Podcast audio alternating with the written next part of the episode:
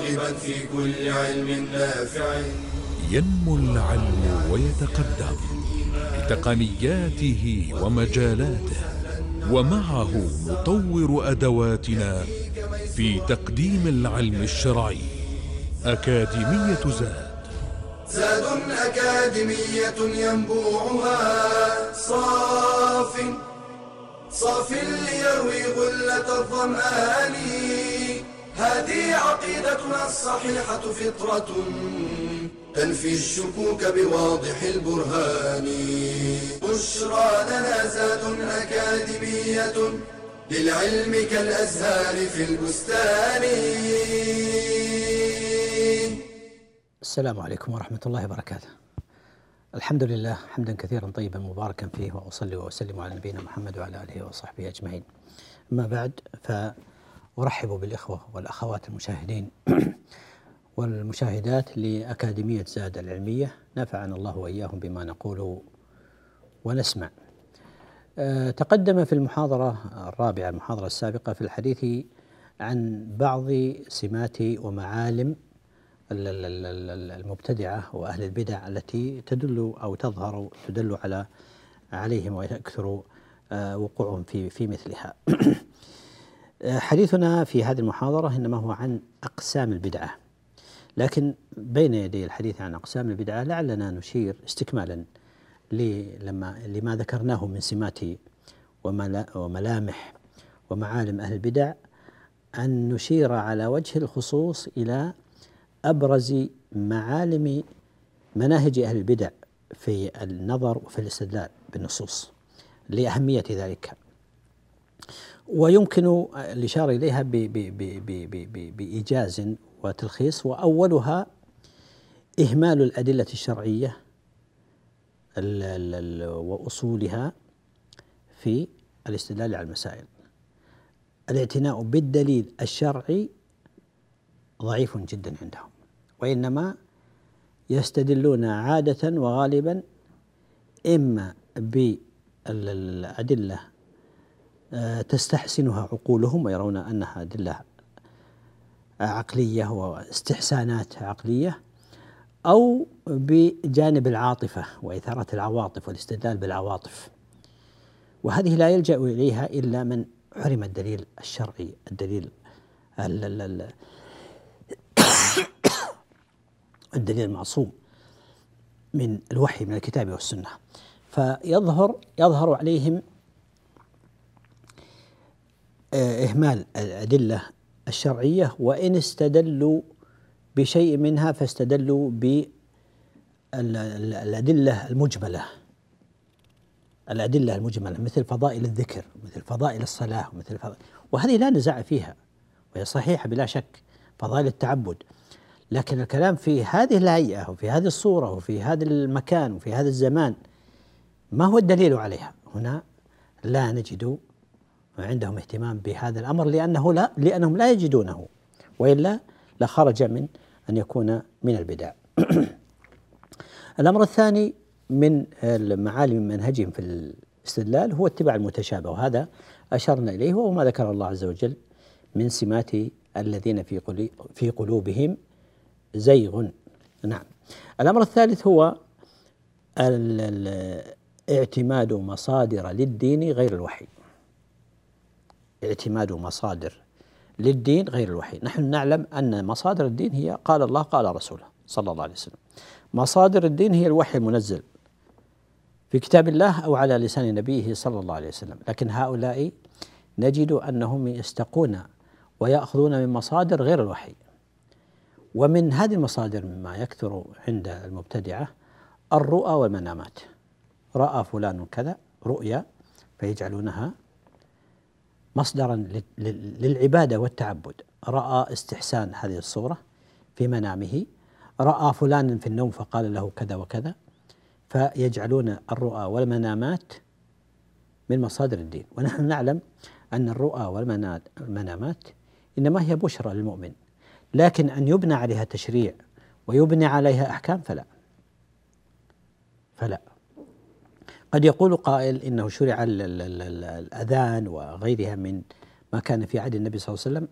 نقول نعم هذه فيها دلالات لكن لم تأخذ طابع التشريع إلا بعد أن أقرها النبي صلى الله عليه وسلم. فلما أقرها النبي صلى الله عليه وسلم أصبحت دليلا شرعيا وأصبحت تشريعا آه، يتعبد إلى الله سبحانه وتعالى بها. أما مجرد المنامات فهي في دائرة المبشرات فقط ولا يؤخذ منها أحكام حتى وإن رأى الإنسان وزعم أنه رأى النبي صلى الله عليه وسلم أو غير ذلك فالتشريع إنما هو الوحي الذي أنزل على النبي صلى الله عليه وسلم في حياته وانقطع الوحي بانقطاع موت النبي بموت النبي صلى الله عليه وسلم.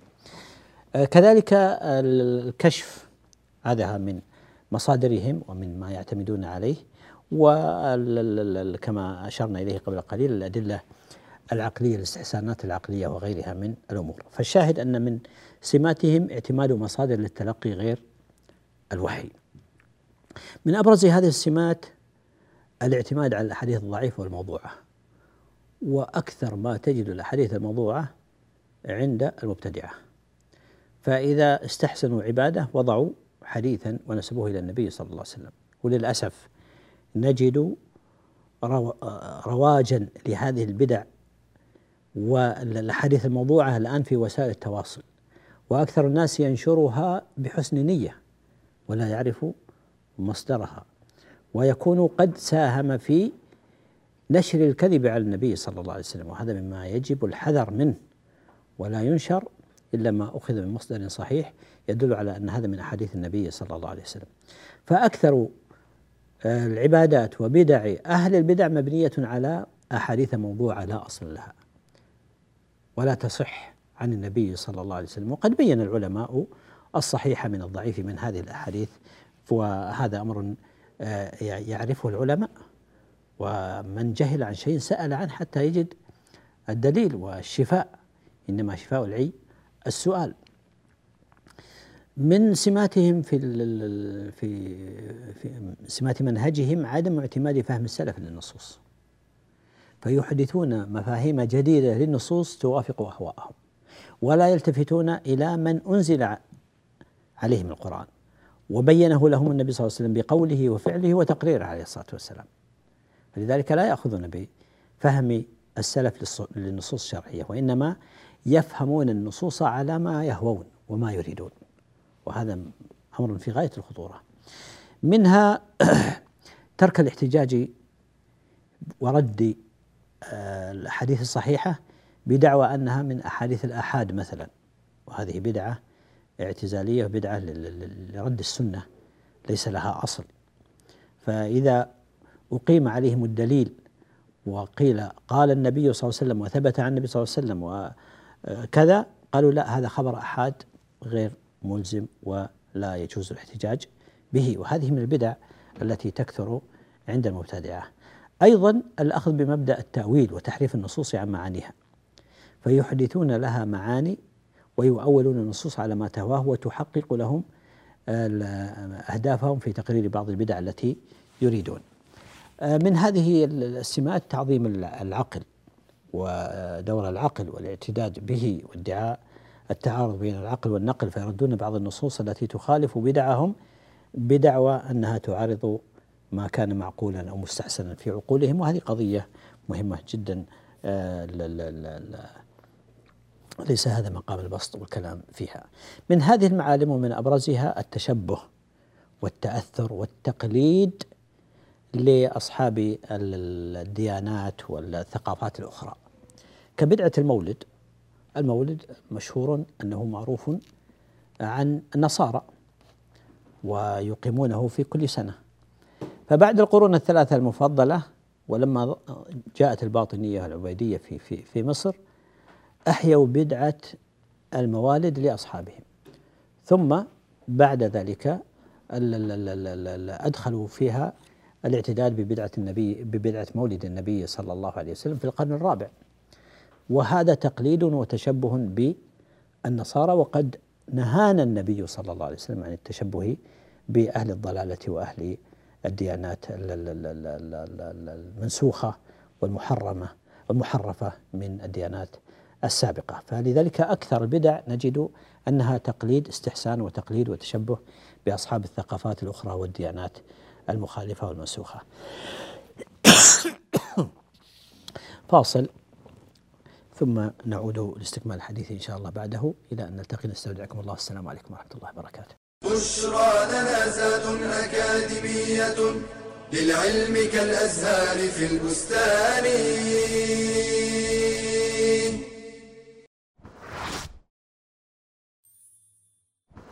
هل أنت حريص على تصحيح عباداتك؟ هل ترجو أن يتقبلها الله؟ اطلب العلم إذ لا تصح العبادة إلا به قال تعالى فاعلم أنه لا إله إلا الله واستغفر لذنبك وللمؤمنين والمؤمنات. وشرط قبول طلب العلم. الإخلاص فيه بألا تريد به إلا وجه الله. قال تعالى قل إني أمرت أن أعبد الله مخلصا له الدين. وبالإخلاص ترزق صحة الفهم وقوة الاستنباط. قال صلى الله عليه وسلم من يرد الله به خيرا يفقهه في الدين وبالإخلاص يذعن المتعلم للحق ويقبل النقد. قال الذهبي علامة المخلص أنه إذا عوتب لا يبرئ نفسه بل يعترف ويقول رحم الله من أهدى إلي عيوبي. ويجب أن يتوفر الإخلاص في التعلم والتعليم والتأليف. قال أبو داود الطيالسي ينبغي للعالم إذا حرر كتابه أن يكون قصده بذلك. نصرة الدين لا مدحه بين الأقران لحسن التأليف. فأخلص النية واحذر من فسادها. كطلب العلم لأجل المال والثروة أو الجاه والشهرة أو المراء والجدل. فإن ذلك يفسد العمل. قال تعالى وقدمنا إلى ما عملوا من عمل فجعلناه هباء منثورا. بشرى لنا زاد أكاديمية للعلم كالأزهار في البستان. السلام عليكم ورحمة الله. إن الحمد لله نحمده ونستعينه ونستغفره ونعوذ بالله من شرور أنفسنا ومن سيئات أعمالنا. من يهدي الله فلا مضل له ومن يضل فلا هادي له وأشهد أن لا إله إلا الله وحده لا شريك له وأشهد أن محمدا عبده ورسوله. أجدد الترحيب بالإخوة والأخوات مشاهدي أكاديمية زاد العلمية. بارك الله فيهم وبارك لهم ويسر أمورهم ورزقنا وإياهم الفقه في الدين والثبات عليه حتى نلقاه. تحدثنا فيما تقدم عن معالم مناهج المبتدعة في النظر والاستدلال وهذا يجرنا إلى الحديث عن أقسام البدعة وهل البدع على وتيرة واحدة على آه، في منزلة واحدة في مقام واحد على حكم واحد أم لا؟ وكما أن البدع تشترك في الحرمة فكلها محرمة وكلها مذمومة على لسان الشارع وكلها ضلالة إلا أنها تختلف في أحكامها وتختلف في صورها وليست على وتيرة واحدة. وبعضها أشد ضلالا من بعض. فهناك البدع المكفرة والعياذ بالله وهناك البدع المفسقة وهناك البدع التي هي دون ذلك. فتختلف باختلاف الدوافع والصورة والمخالفة وغير ذلك من الأمور. هذا يجرنا إلى الحديث عن أقسام البدع والبدع تنقسم باعتبارين باعتبار حكمها وباعتبار حقيقتها. فباعتبار حكمها منها ما هي ما هو من من البدع المكفرة ومنها ما هو من البدع غير المكفرة. البدع غير المكفرة. فباعتبار حكمها البدع المكفرة وهي البدع الحقيقية التي تدخل في دائرة الشرك الأكبر. ك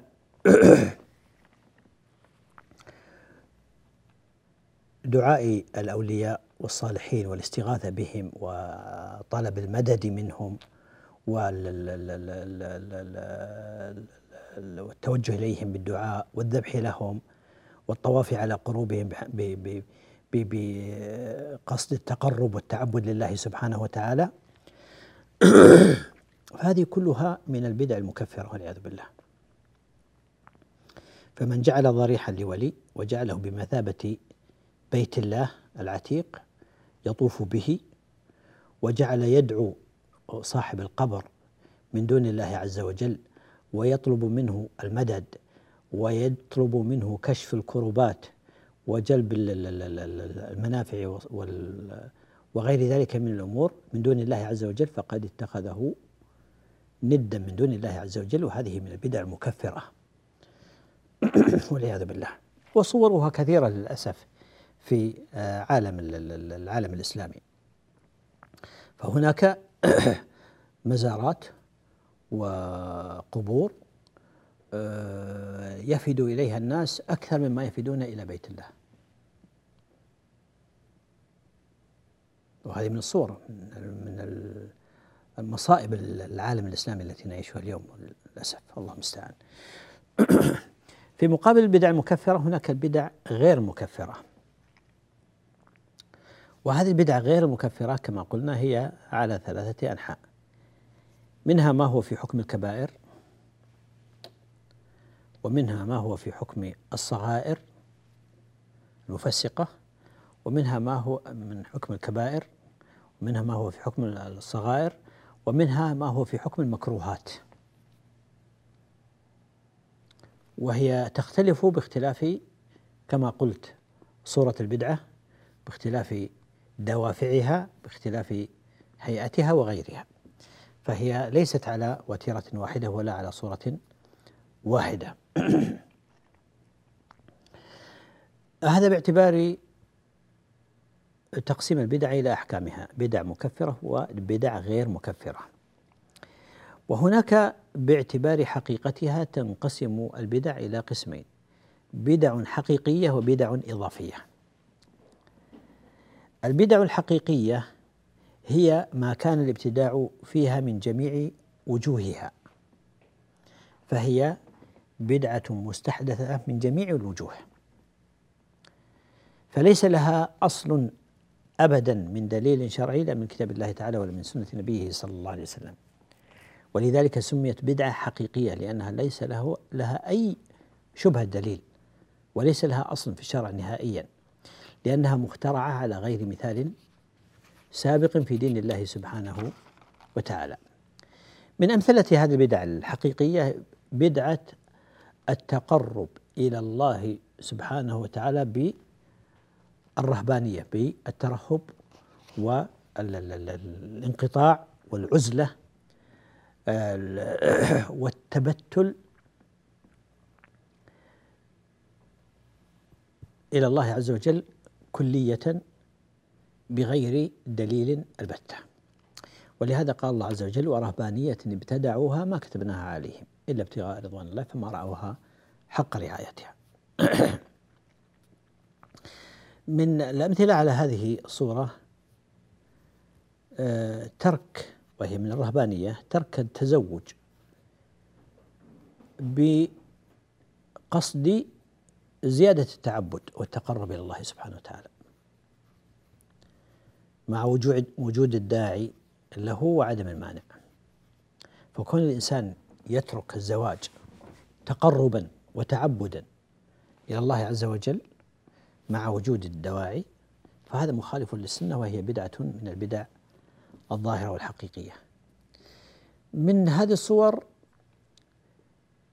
التقرب إلى الله عز وجل بتعذيب النفس بشتى أنواع العذاب.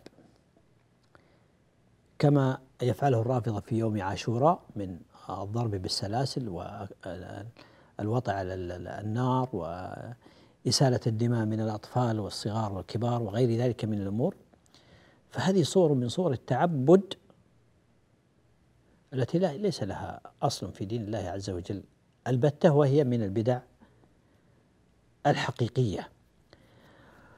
ومنها كما أسلفنا بدع الطواف بالقبور وقلنا أنه ليس هناك بقعة في الدنيا في الأرض يتعبد إلى الله تعالى بالطواف حولها إلا البيت الحرام إلا البيت العتيق.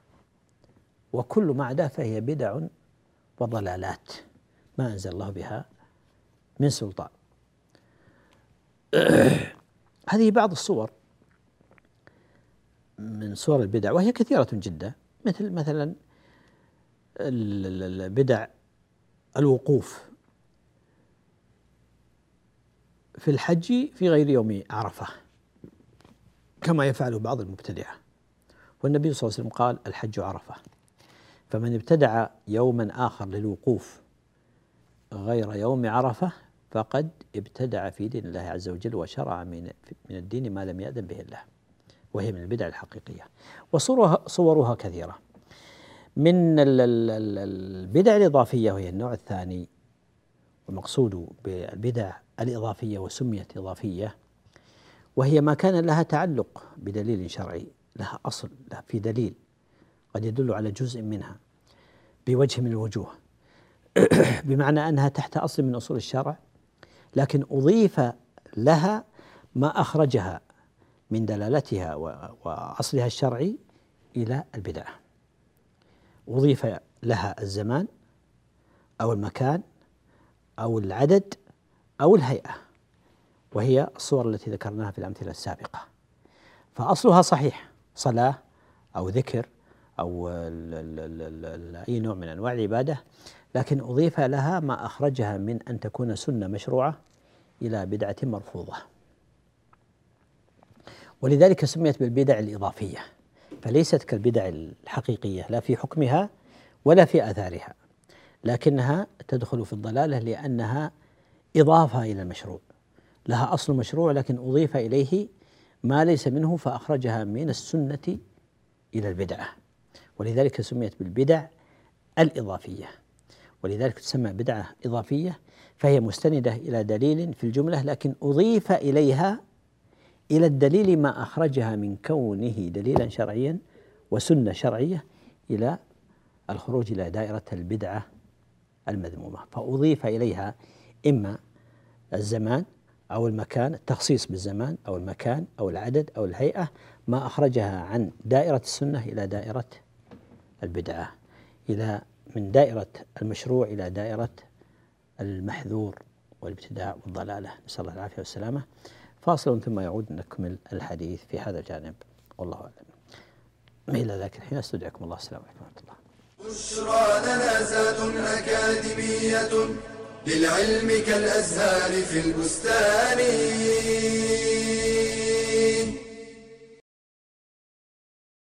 هل تظن أن أهل العلم يتعمدون مخالفة السنة؟ كلا بل لهم في ذلك أعذار كاعتقاد ضعف الحديث أو نسخه. لكن كيف يتعامل العامي مع اختلاف العلماء؟ الراجح أنه يأخذ بفتوى أوثق المفتيين في نفسه وأعلمهما. لأن قول المفتي للعامي كالدليل للمجتهد ويعرف العامي الأعلم بإخبار الثقة وبالمشاهدة كأن يرى أحدهم يذعن له العلماء وبالقرائن كأن يدعم أحدهما دون الآخر فتواه بالدليل وتوافق أكثر العلماء على أحد القولين وتصريح كثير من العلماء بتخطئه أحدهما في هذه الفتوى ومنها تخصص أحدهما في موضوع سؤال كأن يشتهر بعلم الفرائض والسؤال في توزيع تركة وهكذا. وإذا تساوى عند المستفتي المفتيان من كل وجه أخذ بالأيسر لأن هذا موافق ليسر الإسلام ولأن الأصل براءة الذمة. ولا يجوز للسائل أن ينتقي من الأقوال بهواه ولا أن يتتبع رخص العلماء قال سليمان التيمي. لو أخذت برخصة كل عالم اجتمع فيك الشر كله. وإذا عمل السائل بالفتوى ثم ترجح بعد ذلك غيرها فلا تنقض الفتوى الأولى لأن الاجتهاد لا ينقض بمثله. فاتبع العلماء الربانيين واحذر الجهلاء وأصحاب الهوى. قال تعالى ثم جعلناك على شريعه من الامر فاتبعها ولا تتبع اهواء الذين لا يعلمون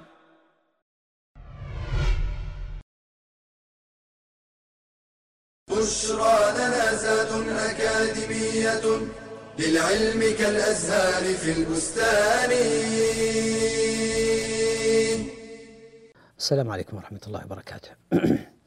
بدأنا الحديث في الكلام على البدع الإضافية وقلنا سميت بدعة إضافية لأنه أضيف إلى المشروع ما أخرجه من دائرة الشرعية إلى دائرة البدعة والضلالة.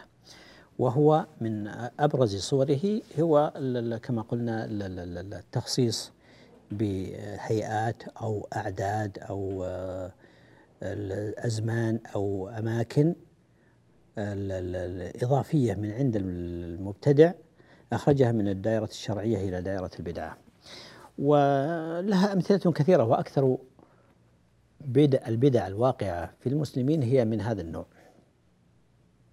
وهي البدع الإضافية. لها صور أكثر من أن تحصى وهذا من من سمات الضلال أنه لا ضابط لها. كل يستحسن ويبتدع من عنده ما يجعله دينا يتقرب به الله عز وجل. لكن هناك يعني بعض البدع أصبحت مشهورة ومعروفة ويتناقلها الناس ويتوارثونها ويسعون في الاجتهاد إلى إحيائها ظن منهم أنها تقربهم إلى الله عز وجل وهي ليس لها دليل البتة من كتاب الله تعالى وسنة النبي صلى الله عليه وسلم. منها ما يسمى بصلاة الرغائب والصلاة مشروعة في الأصل لكن صلاة الرغائب هذه على هيئة وزمان وكيفية معينة أخرجتها من دائرة السنة إلى دائرة البدعة. صلاة الرغائب هي كما يسميها أهلها هي أول ليلة جمعة من رجب من شهر رجب شهر الله الحرام. أول ليلة جمعة من رجب يصلون فيها اثنتا عشرة ركعة. بين كل ركعتين تسليمة تصلى بين المغرب والعشاء. ونرى صورا من هذه ممن يقوم بهذه البدعة في الحرم في هذا الوقت. ف فسميت أو قلنا إنها من البدع الإضافية لأن أصل الصلاة مشروع والنافلة مشروعة ومطلقة لكن تخصيصها في هذا الوقت وبهذا العدد ليلة الجمعة وأول جمعة من رجب واثنتا عشرة ركعة. هذا أخرجها من دائرة المشروع إلى دائرة البدعة. وهذا ما يسمى بصلاة الرغائب. منها الصلاة ليلة عاشوراء ونحن مقبلون عليه إن شاء الله. ليلة عاشوراء عاشوراء شرع صيامه. وشرع النبي صلى الله عليه وسلم صيامه فصيامه مشروع. لكن أن يضاف إلى المشروع وهو الصيام القيام لهذه الليلة بالذات فهذا من البدع الإضافية. وهذا كله لم يثبت في السنة بوجه من الوجوه. مثال ذلك آه، صلاة ليلة النصف من شعبان. صلاة ليلة النصف من شعبان وقيامها. هذه كلها الصلاة المشروعة أضيف إليها ما أخرجها من دائرة السنة إلى البدعة. فلماذا نقول إن هذه بدعة إضافية؟ لأن التقرب إلى الله سبحانه وتعالى بالنوافل ثابت في الشرع ومشروع لا غبار عليه ولا كلام فيه. وقد قال الصلاة وقد قال النبي صلى الله عليه وسلم الصلاة خير موضوع فمن استطاع أن يستكثر فليستكثر. الصلاة النافلة. لكن آه، تخصيص زمان وعدد وهيئة بغير دليل شرعي هو الذي أخرجها من كونها مشروعة يتقرب بها إلى الله عز وجل إلى البدعة. وهذه الهيئات بهذا العدد بهذا الزمان بهذا المكان لم يدل عليه الدليل فلذلك سميت أو دخلت في دائرة البدع الإضافية.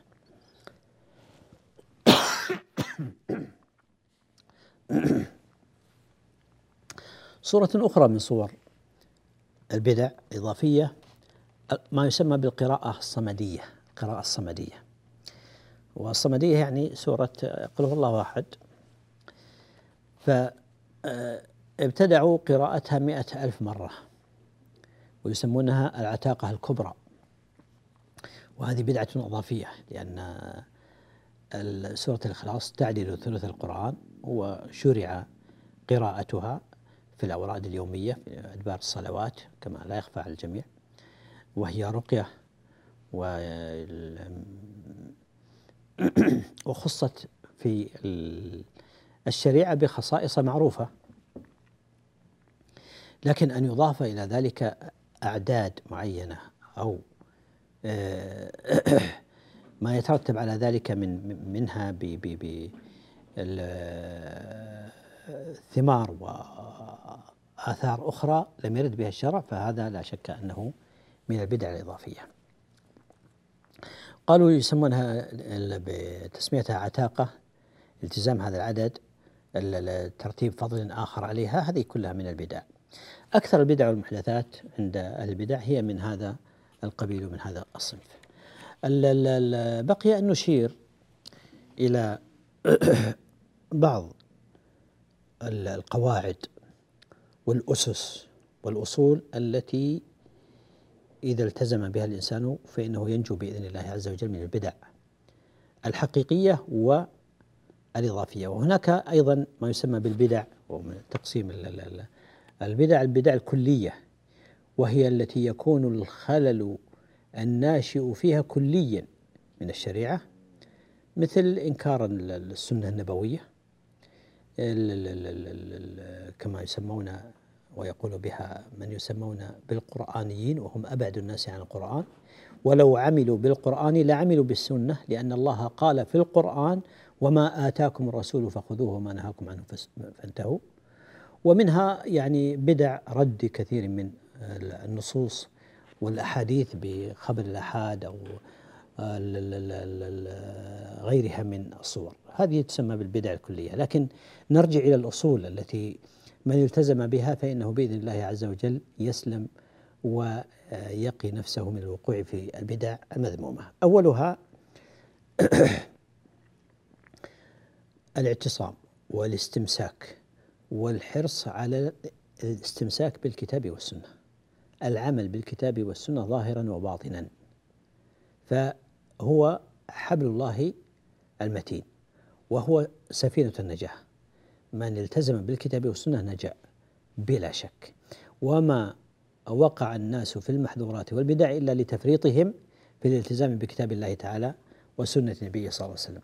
فمن استمسك بها واعتصم بها وحافظ عليها وعمل بها ظاهرا وباطنا نجا من البدعة إلى السنة. فأول علاج للبدعة والسلامة منها الاعتصام بالكتاب والسنة ولا يعمل الإنسان إلا بدليل من الوحي المعصوم لا من اجتهادات الناس ولا من كلامهم ولا من استحساناتهم وإن زخرفوا بها القول وحسنوها على العامة. القاعدة الثانية أن السنة هي فعل ما فعله النبي صلى الله عليه وسلم وترك ما تركه النبي صلى الله عليه وسلم. فالإنسان يدور مع الدليل حيث دار مع فعل النبي صلى الله عليه وسلم وتركه فالسنة فعل وترك. والقاعدة الثالثة الجزم واليقين بأن خير الهدي هدي محمد صلى الله عليه وسلم وشر الأمور محدثاتها. فإذا أردت النجاة فانظر إلى هدي النبي صلى الله عليه وسلم فافعل كما فعل النبي صلى الله عليه وسلم تنجو ولا تلتفت إلى خلافه. وأيضا من القواعد ما سبق أن أشرنا إليه أن الأصل في العبادات المنع إلا بدليل والأصل في في المعاملات الإباحة إلا بدليل. وهذا أمر وقاعدة مهمة وسبق الكلام عليها. الأمر الآخر هو استشعار خطر البدعة ترى الأمر ليس بالهين. وذكرنا إحنا من المخاطر ما يدل على الخوف منها ومن الوقوع منها ومن الحوم حول حماها. يبتعد الإنسان بالكلية لينجو وتسلم له عبادته وقربته إلى الله عز وجل. وآخر هذه التحصينات هو الفقه في دين الله عز وجل. قلنا إن من أسباب انتشار البدع الجهل والاعتماد على غير الدليل فالعلاج لذلك هو الاجتهاد في الفقه في دين الله عز وجل لينجو يعبد الله على بصيرة. قل هذه سبيلي أدعو إلى الله على بصيرة أنا ومن اتبعني وسبحان الله ومن المشركين. فيحرص الإنسان على الفقه في دين الله عز وجل ويتعبد الله عز وجل بما دل عليه الدليل من الوحي المعصوم. وما لا دليل عليه ف يبتعد عنه ليسلم وينجو من ذلك. بهذا نكون قد انتهينا من في هذا اللقاء وهذه المحاضرة. أسأل الله عز وجل للجميع العلم النافع والعمل الصالح والتوفيق لما يحبه ويرضاه. كما نسأله سبحانه وتعالى أن يرزقنا الاستقامة على دينه والثبات على السنة حتى نلقاه أن يحشرنا في زمرة نبينا صلى الله عليه وسلم. ويجنبنا المحدثات والبدع والفتن ما ظهر منها وما بطن. إنه ولي ذلك والقادر عليه والله تعالى أعلم وصلى الله وسلم وبارك على نبينا محمد وعلى آله وصحبه أجمعين. سبحانك اللهم وبحمدك أشهد أن لا إله إلا أنت أستغفرك وأتوب إليك. والسلام عليكم ورحمة الله وبركاته. يا راغبا في كل علم نافع. ينمو العلم ويتقدم بتقنياته ومجالاته ومعه نطور أدواتنا في تقديم العلم الشرعي. أكاديمية زاد. زاد أكاديمية ينبوعها. صاف صاف ليروي غلة الظمآن. هذه عقيدتنا الصحيحة فطرة تنفي الشكوك بواضح البرهان. بشرى لنا زاد أكاديمية للعلم كالأزهار في البستان.